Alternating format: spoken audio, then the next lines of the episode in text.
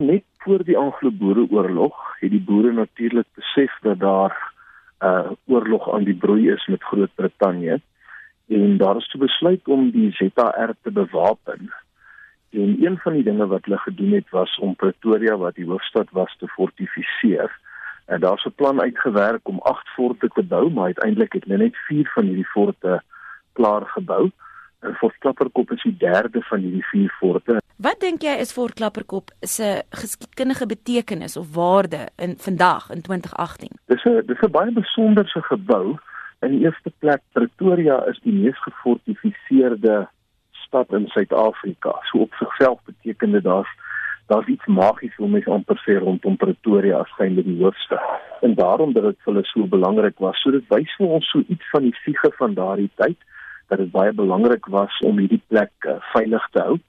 En dan vir Klapperkop is baie uniek. Dit is die enigste van die vier forte wat histories korrek gerestoreer is en waar mense dus kan gaan kyk hoe die fort moontlik binne sou gelyk het, hoe hy gefunksioneer het, watter kleure daardie tyd gebruik het, die interessante goed wat hulle dalk gehad het. Ja, vir my kan baie daai leer van die verlede.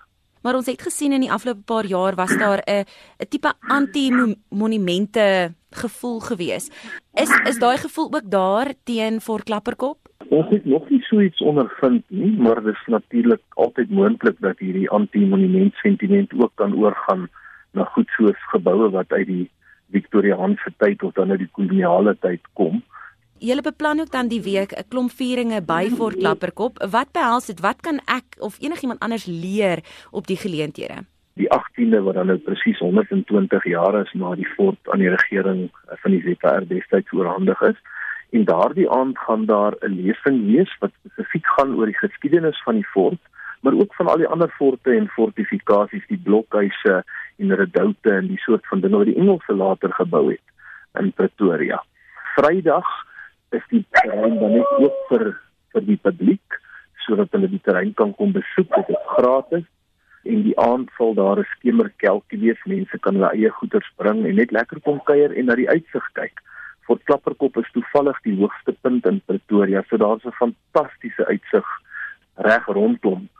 En dan die groot feesvieringe is eintlik Saterdag die 20ste Uh, dan het ons ons hele klompie sprekers wat kom gesels oor verskillende aspekte van die Anglo-Boereoorlog en dan ook van die fort. Dan het ook volksdanse. Ons gaan die voortrekker sê wat vir ons 'n vlaghuising en vlagstryk seremonie het.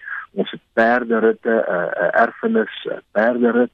Ons se kanon wat gaan skiet en dan baie besonder gaan ons van die botterklapperbome weer plant.